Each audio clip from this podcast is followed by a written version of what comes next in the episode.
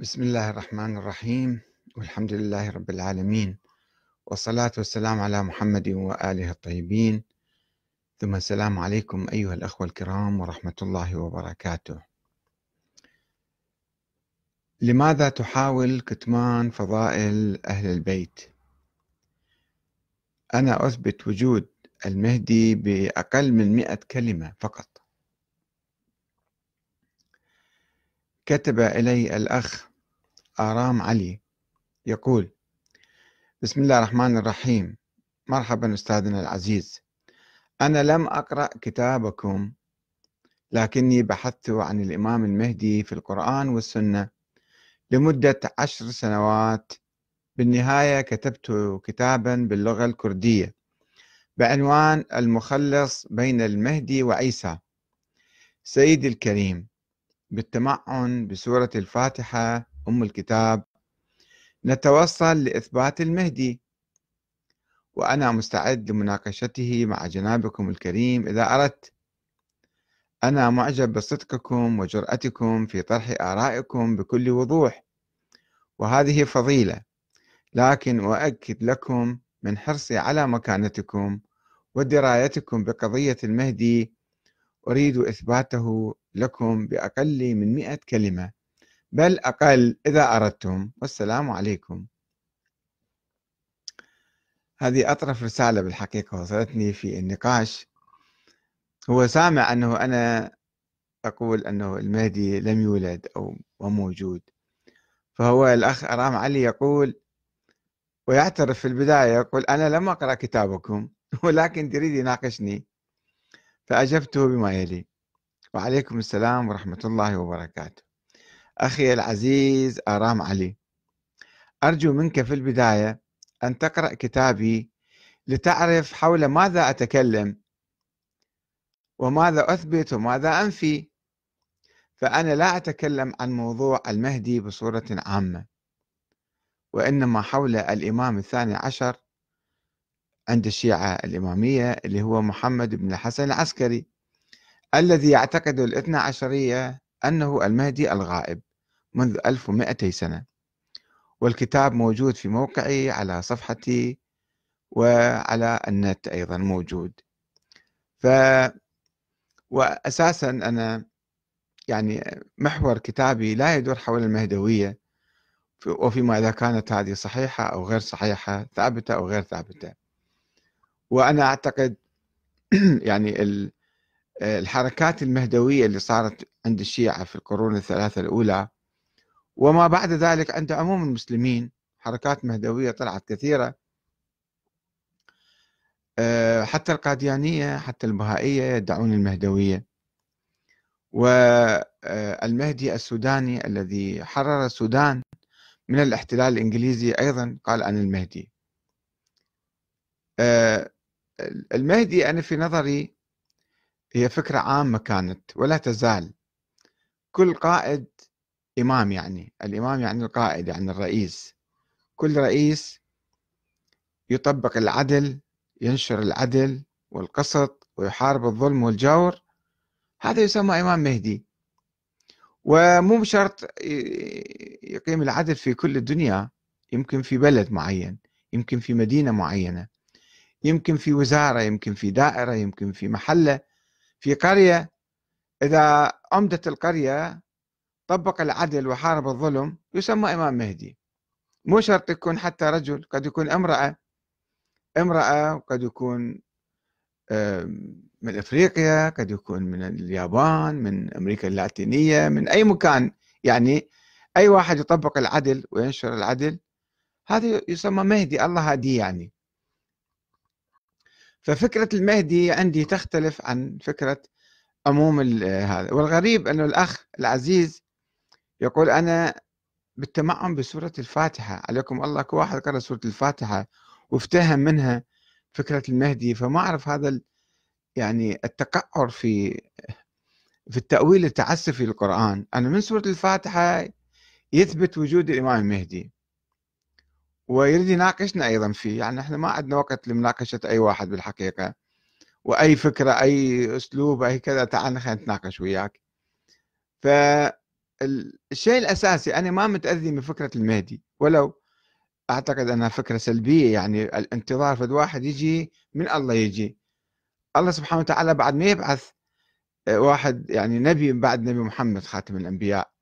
ولا واحد مرتبط بالسماء هكذا يعني عنده جبرائيل عن يمينه وإسرافيل عن يساره والشمس ترجع من تطلع من المغيب وكذا. هذا أشياء عجائبية يعني ما موجودة حتى النبي محمد. صلى الله وسلامه عليه.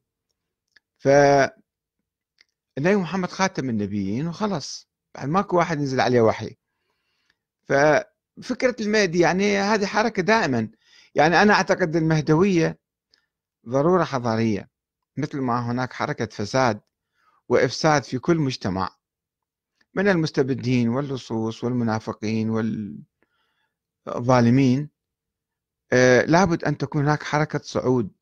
حركة مرتبطة بالله تعالى وتستوحي قيمها وحركاتها من الله تعالى. فهي ضرورة مقابل حركة الإفساد الشيطانية لابد تكون هناك في كل مجتمع. ما يصير المجتمع يكون يعني جامد ومحايد وهكذا ينظر فقط بسلبية. لابد أن يعمل لابد أن يحارب الظلم والظالمين. هاي يصير حركة مهدوية. فإذا المهدوية يعني حركة حضارية ضرورية. وضرورة حضارية. ولكن المشكلة الكبرى عند الشيعة الاثنى عشرية أنهم اعتقدوا وافترضوا وجود شخص وقالوا أنه الإمام وقالوا أنه المهدي وقالوا أنه غائب وقالوا أنه عايش بعد صار 1200 سنة كلها فرضيات وهمية غير منطقية وغير قرآنية ولا مبتنية على السنة النبوية.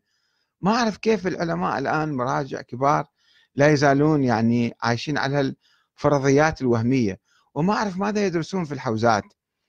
يدرسون فقه وأصول ولغة ومنطق وكذا ولكن ما يفكرون شوية بمنطقية بصورة يعني أنه كيف يبنون عقيدة وينشروها بين الناس ويدعون أنهم نواب الإمام وأنهم حكام شرعيون آه، على أساس فرضيات وهمية. لو شوية التفتوا فيها راح يدركون أن كلها فرضيات وهمية.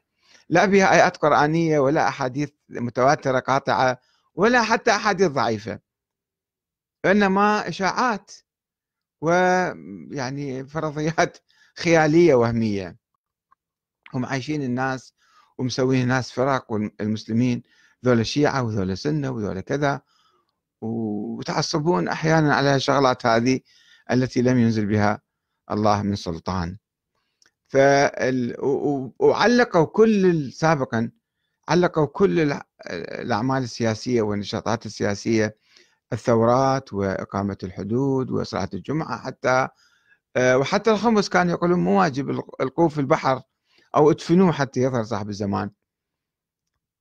والآن أيضا آه، انقلبوا 180 درجة وصاروا هم يتدخلون بالسياسة ويعينون حكومات ويسوون كل شيء وأيضا يقولون نحن نواب هذا الإمام المهدي بدون أي دليل بدون أي دليل. ف هذه الفكرة أنا كنت أناقشها أنه إحنا خلينا نرجع إلى آه، الحالة الطبيعية. شوفوا إحنا الشيعة خصوصا كنا بين آه، بين إفراط وتفريط. في مرحلة سابقة قبل خمسين سنة مثلا الشيعة كانوا يعتقدون حرمة العمل السياسي وحرمة الثورة وحرمة إقامة الدولة في عصر الغيبة ولازم ننتظر صاحب الزمان يطلع هو يسوي الدولة الإسلامية. وخلي ننام إحنا إلى أن الله يشاء بيد الله المسائل كلها. حدثت ثوره في العقل الشيعي. صارت اجوا الفقهاء قالوا لا إحنا لازم نقود الثورة إحنا نقود المجتمع إحنا ولاة الأمر. فصعدوا وصار هم كل شيء. الحالة الطبيعية شنو؟ فقدناها في الحالتين. الحالة الطبيعية أنه سابقا إحنا نقيم حركة سياسية عادية ثورات عادية ونقيم الأنظمة السياسية العادية. الأمة هي ولية نفسها. ولاية الأمة على نفسها. لا سابقا كنا مجمدين ومكبلين وما يجوز واحد يشتغل ولا أنه الآن أيضا بصياغة جديدة أنه ما يجوز لك تعمل أي عمل إلا بإذن المرجع. ما يجوز لك تقوم بأي نشاط ما يجوز لك تأسس حزب إلا تأخذ إذن من المرجع من الولي الفقيه. هذا كلام مو صحيح. لم ينزل الله به من سلطان. يعني سابقا كان السيد محمد الشيرازي رحمة الله عليه بالستينات كان يقول بهذه النظرية. واختلف مع حزب الدعوة على أساس هاي المسألة. والسيد حسن الشيرازي كتب كتاب اسمه كلمة الإسلام في تحريم العمل الحزبي. والآن عندك مثلا آه، الشيخ اليعقوبي يقول أنه ما يجوز أي واحد يأسس حزب إلا يأخذ إجازة من من المرجع اللي من عنده مثلا. هذا مو صحيح. حرية الأحزاب يعني أي إنسان يتمكن يسوي أي حزب. وحتى في حزب الدعوة كان السيد كاظم الحائري بعد آه، انتصار الثورة الإيرانية طرح فكرة آه، لما حزب الدعوة يعني سنة 1980 جمعوا أنفسهم وسووا أول مؤتمر. وعينوا السيد كاظم الحائري آه، فقيه أو رئيس اللجنة الفقهية أو شيء من القبيل. فقيه الحزب يعني. فهو بعد أنا فقيه الحزب لازم تسمعون كلامي كل شيء لازم. أنا أصير قائد الحزب. فقال له لا أنت مو قائد الحزب. أنت إحنا نرجع لك يعني فارجعوا فيها إلى روات حديثنا على الأساس نرجع لك في المسائل الفقهية نستفتيك أو نستشيرك مو أنت قائد الحزب. فقال لهم طيب أنا ما أقبل هالشيء هذا أنت لازم تأخذون شرعية في العمل السياسي من الإمام الخميني وأني راح أستقيل أو هم قالوا له زين تستقيل وحتى إحنا ناخذ شرعية أو نرتبط بالإمام الخميني ذيك الأيام في الثمانينات. فاستقال وسموه قرار الحذف. فراحوا قادة حزب الدعوة إلى الشيخ المنتظري كان ذيك الأيام نائب الإمام هو فطلبوا منه أن يعين ممثلا لهم عن الإمام الخميني. فالشيخ المنتظر قال لهم هذا شنو المسألة؟ روحوا عمي روحوا. ما يحتاج أنتم قاعد تعملون عمل إسلامي سياسي وطبيعي. ما يحتاج واحد ممثل الإمام الخميني عندكم. وحصل الخلاف بين السيد كاظم الحائري من ذاك اليوم إلى الآن. فما يحتاج واحد يعني يعني هاي فكرة الإمام المهدي مأثرة على بعض الناس. فرضيات على فرضيات على فرضيات سلسلة من الفرضيات الوهمية تنتج أنه يجيك واحد يقول لك أنا مجتهد. وهاي هم فرضية بالحقيقة ما نعرف هو مجتهد ولا لا. وأني الأعلم مثل سيد محمد الصدر رحمة الله عليه أيضا قال أنا ولي أمر المسلمين. طيب من عينك ولي أمر المسلمين؟ أحد انتخبك؟ لا هو عين نفسه ولي أمر المسلمين. وتعالوا. وجماعته وتلاميذه مثل الشيخ اليعقوبي هم نفس الشيء. أنا ولي أمر المسلمين وأنا الكذا وأنتم لازم تأخذون إجازة من عندي. ما يحتاج إجازة. هذه هذا يصير تطرف وغلو. أنه الشيوخ اللي قبل خمسين سنة كانوا يقولون العمل السياسي حرام. هسه العمل السياسي هم حرام مرة ثانية إلا بإجازتهم. فأجبناه الأخ هذا أنه يعني إحنا ما نبحث موضوع الإمام المهدي بصورة عامة نبحث محمد بن الحسن العسكري. هل هذا شخصية حقيقية أم شخصية وهمية؟ طيب هذا سؤال جواب مختصر يعني بالحقيقة لرسالة مختصرة. هنا دخل على الخط أحد الأخوان الأعزاء أيضا قاسم محمد الكعبي. فرد على الأخ أرام علي يقول له الإمام المهدي بشر به رسول الله صلى الله عليه وآله الذي لا ينطق عن الهوى إن هو إلا وحي يوحى وأقسم الرسول صلى الله عليه وسلم أنه لو بقي يوم واحد من أيام الدنيا لطول الله ذلك اليوم إلى حتى يظهر وليه هو الإمام المهدي ويقيم دولة العدل الإلهية. ونحن وأنت لسنا بحاجة لشهادة أحمد الكاتب أو غيره في انتظار دولة العدل الإلهية. يجاوب أحد الأخوان آه، سام سندي يقول له قاسم محمد الكعبي أنت شنو نصيبك من دولة العدل الإلهية؟ هل ستكون هناك أمراض أو كوارث أو حروب؟ وليش تكون في آخر الزمان وليس الآن؟ ما الحكمة؟ هذا ما آه، تعليق بسيط ولكن يعود الأخ يقول كلاما يعني شوية كبيرا. آه، الأخ قاسم محمد الكعبي يقول أحمد الكاتب يشبه كثيرا أبو هريرة.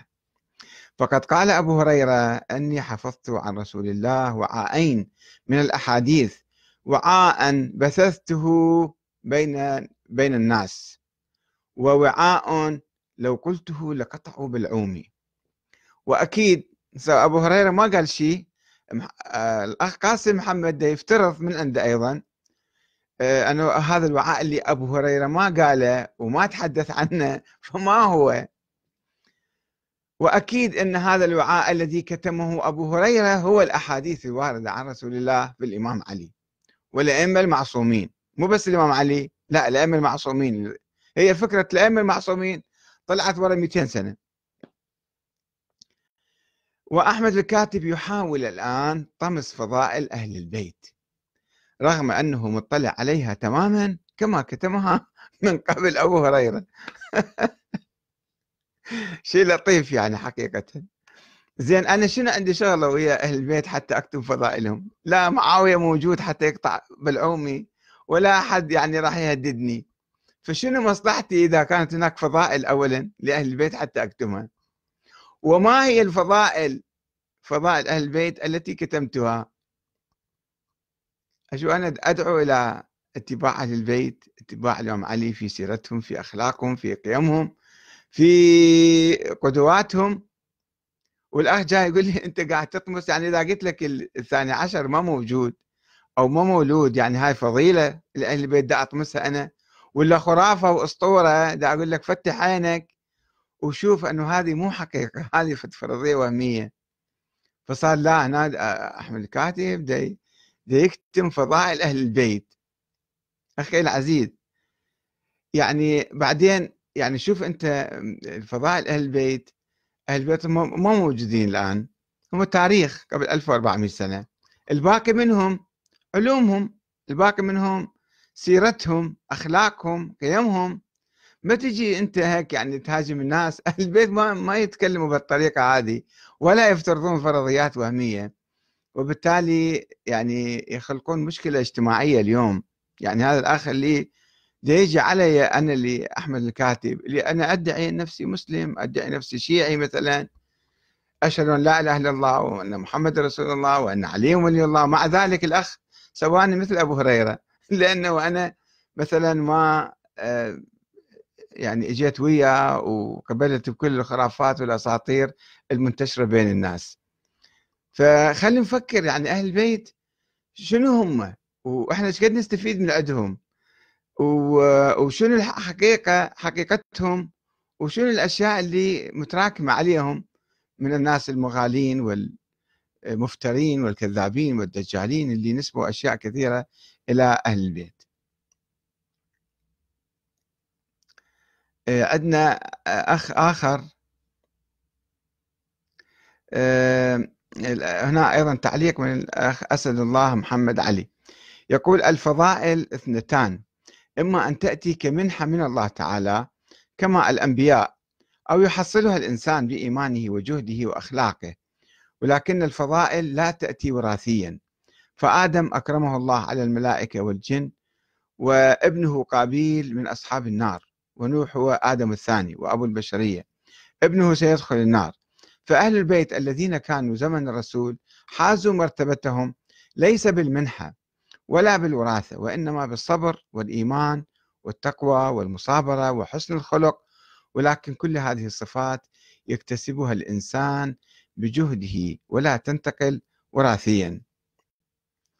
آه، الأخ محمد حمادي يقول من ذا الذي يستطيع كتمانها كتمان فضائل أهل البيت؟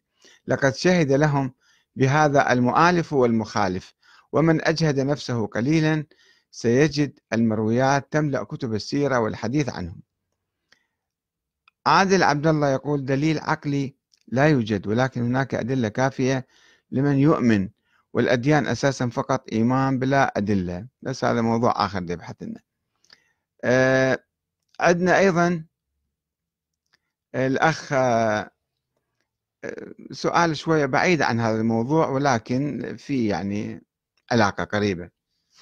يقول الأخ إبراهيم المحمداوي السلام عليكم أستاذ أحمد الكاتب. أدعو الله أن تكون في أتم الصحة والعافية. شكرا جزيلا. سؤالي هل كان هل أو كانت علاقة أئمة أهل البيت خصوصا الجواد والهادي والعسكري مع شيعتهم بمثابة دولة داخل الدولة؟ الدولة العباسية يعني لعدم اعترافهم بشرعية الوراثة العباسية. أو لضعف الدولة وتشرذمها.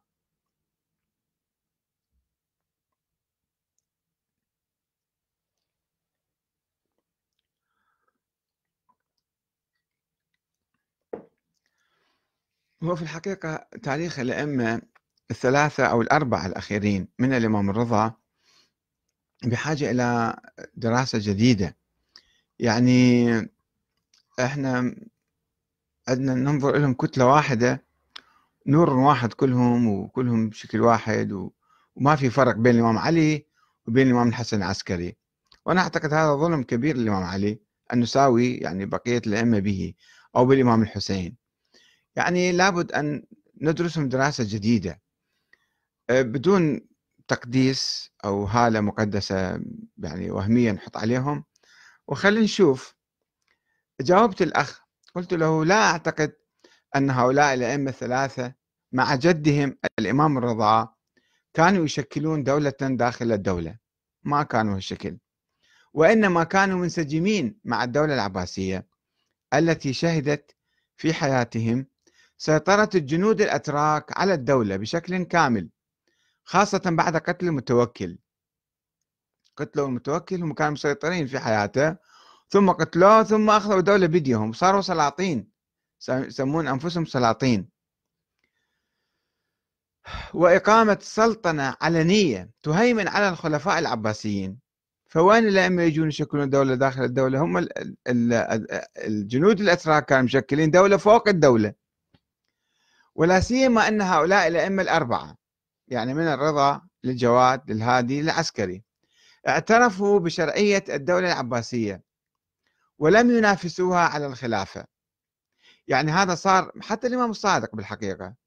الإمام الصادق الإمام الكاظم كلهم كانوا يعني هذا خط هذا خط في مقابل الخط الحسني أو الخط الزيدي أيضا اللي رفض الاعتراف بالدولة العباسية لأنه محمد ابن عبد الله ذو النفس الزكية هذا أبوه عندما ولد قال هذا محمد ابن عبد الله هذا هو الإمام المهدي. في أيام الدولة الأموية. وعندما كبر هذا الشاب العلوي كل العلويين اجتمعوا عليه وبايعوه في منطقة اسمها الأبواء. بايعوه على أنه هو الإمام المهدي أو هو القائد الثائر يعني. حتى العباسيين السفاح والمنصور بايع محمد ابن عبد الله ذي النفس الزكية. وعندما حصل الاضطراب داخل الدولة الأموية ونشأت الثورات العلوية والعباسية وفاز العباسيون بالسلطة. فمحمد بن عبد الله قال للعباس وقال للصفاء أنتم بايعتوني إلي وثرتوا باسمي. فشنو الآن مسوي نفسكم خلفاء وسلاطين؟ تعالوا أعطونا السلطة إلي قالوا له لا خلاص إحنا صرنا خلفاء وأنت لازم تخضع عنا تبايعنا ما قبل. وبعد فترة يعني سنة 132 العباسيون سيطروا على الدولة الإسلامية على الخلافة. وسنة 145 خرج محمد ابن عبد الله ذو النفس الزكية في الحجاز في المدينة ومكة وكذا. وخرج أخوه إبراهيم في العراق. وقضوا عليهم العباسيين. ثم استمرت الثورات إخوان محمد بن عبد الله وأولادهم. استمرت الثورات يوميا في ثورة كل 10 20 سنة كانت تحدث ثوره وأئمة مستورين أئمة متخفين أئمة سريين يعني يأخذون البيعة ويحاولون يسوون ثورة على العباسيين. وصارت عدة ثورات كبيرة. الإمام الصادق بايع المنصور. الإمام الكاظم أيضا لم يعلن التمرد ولا الثورة على هارون الرشيد. والإمام الرضا بعد ذلك آه، أيضا راح مع المأمون. المأمون استدعاه وقال له أنت سعى تصير خليفة. قال له لا هو كان المأمون قاتل أخوه الأمين قبل أيام. بعد ما صف أخوه لأنه نافسه على الخلافة يعني هو صار خليفة الأمين بعد الرشيد وكان هارون الرشيد موصي أبناء واحد بعد واحد. فالأمين عندما أصبح حاكما وخليفة عزل المأمون ولكنه استعان بقوات آه، كذا وقتل أخاه وأصبح هو الخليفة. وبعدما أصبح خليفة صارت ثورة علوية في الحجاز. قادها محمد الديباج ابن الإمام جعفر الصادق. وثورة أخرى آه، ابن طباطبة آه، في الكوفة. وامتدت الثورة عارمة امتدت لجنوب إيران واليمن والحجاز ومناطق شاسعة جدا. آه، وقال فقال المأمون للرضا تعال أنت صير أخذ الخلافة إليك أول شيء. مسرحية يعني. فقال له لا قالوا لا ما يصير. فقال آه، قبل بولاية العهد. لما يقبل بولاية العهد يعني قبل بخلافة المأمون. ثم آه، توفي الإمام بسرعة وقيل سم يعني. والله أعلم. الأظهر أنه سم يعني. إن كان في صراعات في داخل حتى العباسيين ما كانوا يردون الخلافة تنتقل للعلويين. مو فقط الخليفة كل العباسيين. والمهم صراعات كانت. وبعد المأمون آه، لما كبر الجواد استدعاه وأعطاه بته وكذا آه، ثم توفي عن عمر 25 سنة. ثم ابنه كان صغير أيضا لما كبر ابنه كان في زمن المتوكل. متوكل استدعاه من المدينة وهو ذهب. ذهب وعمره يعني آه، بقى مع الخليفة يعني بايع الخليفة المتوكل. وأيضا توفي بعد فترة بعد المتوكل وعمره 40 سنة. طب في ذيك الأيام الخلفاء العباسيين بعد المتوكل ضعفوا المستعين والمعتمد وكذا. ذول كلهم صاروا يعني مجرد واجهات. والسلطة الحقيقية ذهبت إلى آه، الأتراك إلى جنود الأتراك. ف ولكن بقوا هؤلاء الأئمة الجواد والهادي خصوصا والعسكري بقوا مع المعتمد. فما كانوا يشكلون دولة داخل الدولة صحيح يمكن كانوا يأخذون أموال خمس أو كذا ولكن ما كانوا يشكلون دولة ضد الدولة العباسية. كما كان يشكل الخط الآخر آه، العلوي الحسني الزيدي. هؤلاء كانوا يشكلون خطر منافس مو فقط دولة في داخل الدولة دولة ضد الدولة. يعني أقاموا دول بالحقيقة أقاموا ثورات وكانوا آه، يستهدفون إسقاط الدولة. إلى أن نجح أيضا خط آخر من آه، أبناء إسماعيل ابن الإمام جعفر الصادق. أيضا آه، ذهبوا إلى تحت الأرض يعني إلى العمل السري. إلى أن نجحوا سنة 295 بالسيطرة على تونس. ثم امتدوا إلى القاهرة بنوا القاهرة إلى مصر يعني ثم امتدوا إلى الحجاز وإلى الشام وإلى العراق.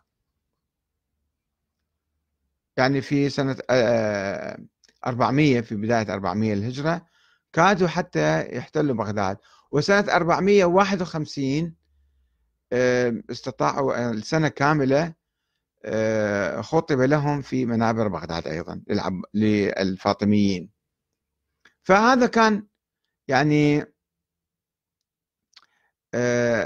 يعني الأئمة الأربعة من الرضا أو حتى قبل الرضا حتى الصادق والكاظم أيضا ما كانوا في منافسة أو في صراع مع العباسيين. صحيح أنهم ربما كانت هناك شكوك من العباسيين أن هؤلاء يعملون عمل سري مثلا لماذا اعتقل الكاظم أيضا؟ لأنه كان في وشايات عليه. ربما كان أبناؤه مثلا يتحركون آه، ضد العباسيين فاتهموه إلى وذبوه بالسجن إلى أن مات في السجن. الأخ الأخ كمال منتهى يقول الكمال منتهى. يقول وإن كانت ثمة علاقة فبماذا تزيد في التصور. لقد رأيت آبائي يصنعون بالسيد ما لا يصنعون بغيره من الإجلال والإحترام. مو قضية إحترام يا أخي العزيز قضية أنه هذول خط يعني زعماء علويون في مقابل زعماء علويين آخرين ثوار ومعارضين للسلطة العباسية. فالسلطة العباسية تتقرب إلى هؤلاء حتى تخمد الثورة عليهم.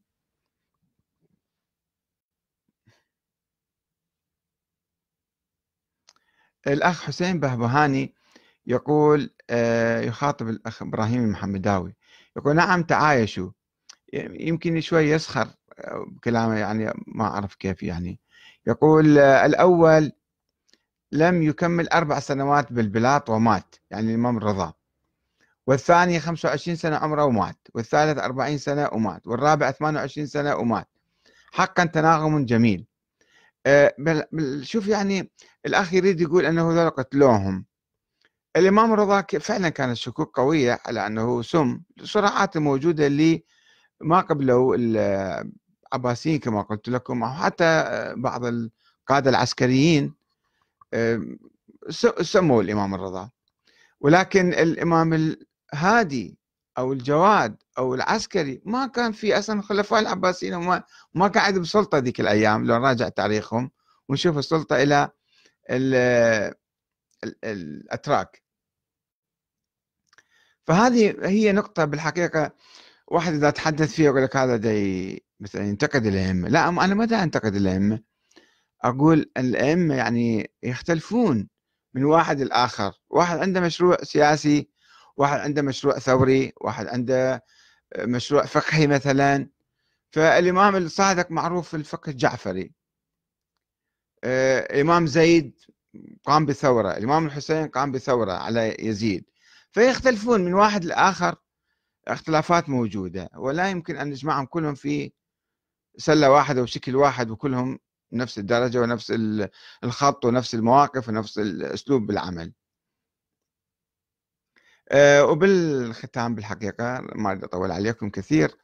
أنا أشكر الأخ آه، الشيخ آه، خالد الحمداني أبو طيبة على تفضله بالإجابة على الأسئلة التي طرحناها حول الحوزة والتطور الحاصل فيها خلال السنوات الماضية.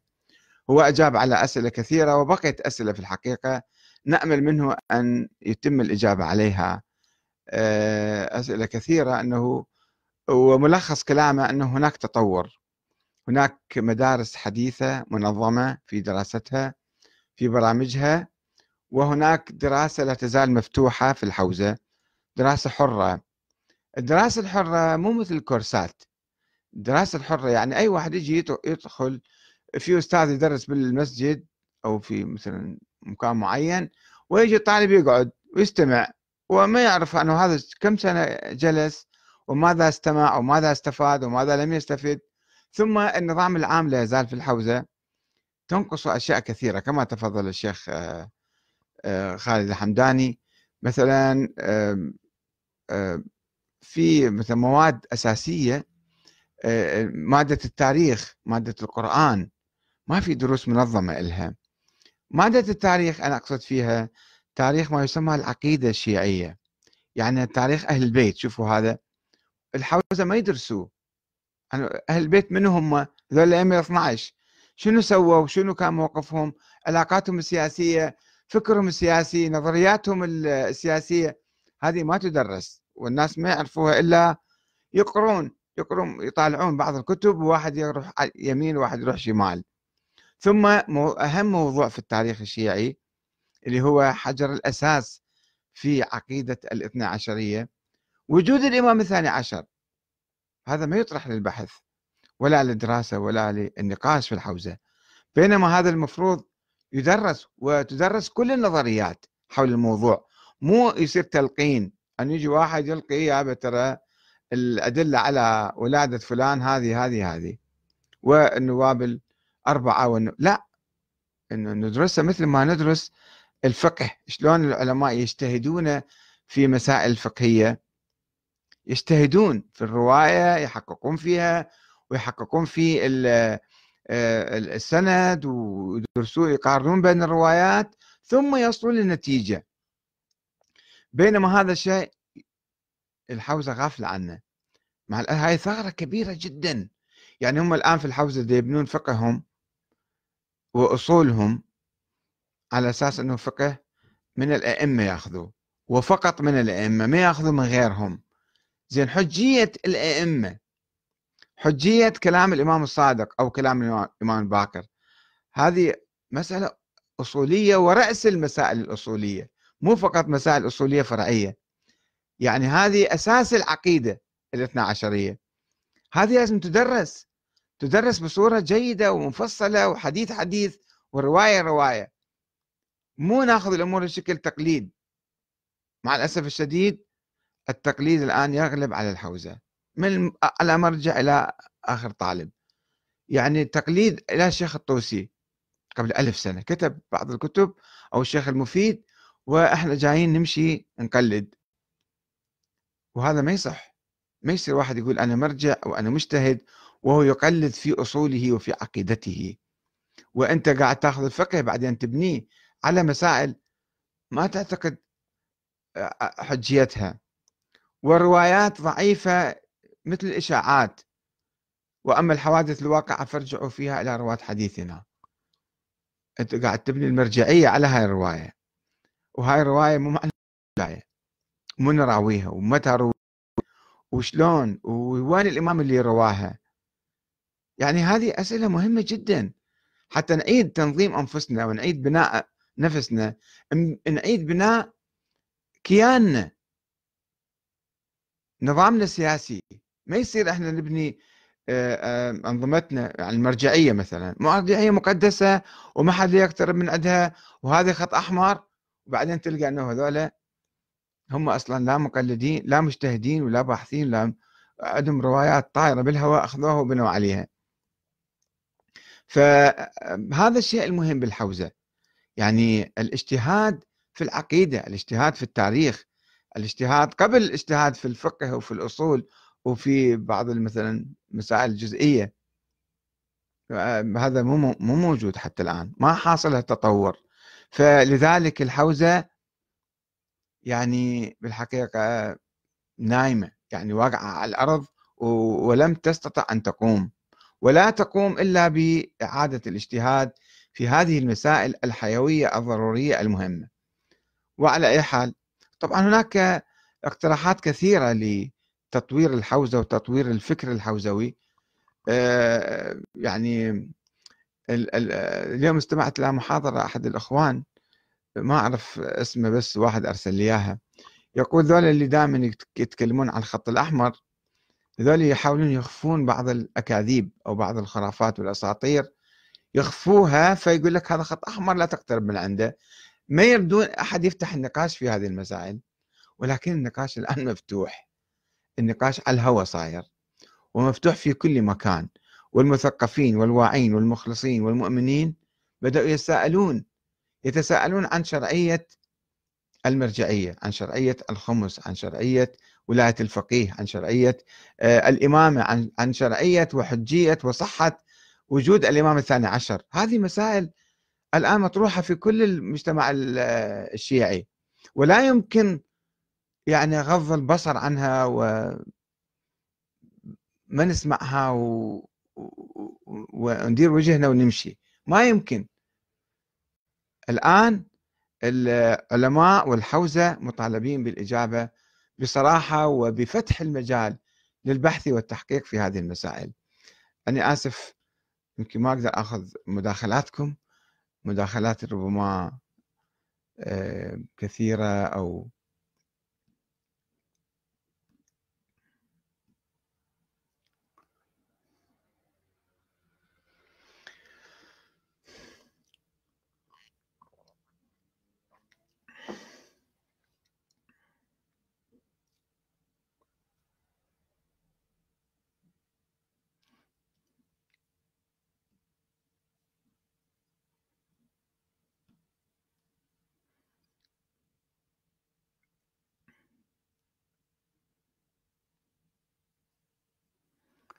على حال تعليقات كثيرة. أنا تجاوزت الوقت المحدد و آه، إن شاء الله إذا كانت نقاط مهمة ومثيرة سوف ألتفت إليها وأجيب عنها وأطرحها النقاش في المستقبل. والسلام عليكم ورحمة الله وبركاته.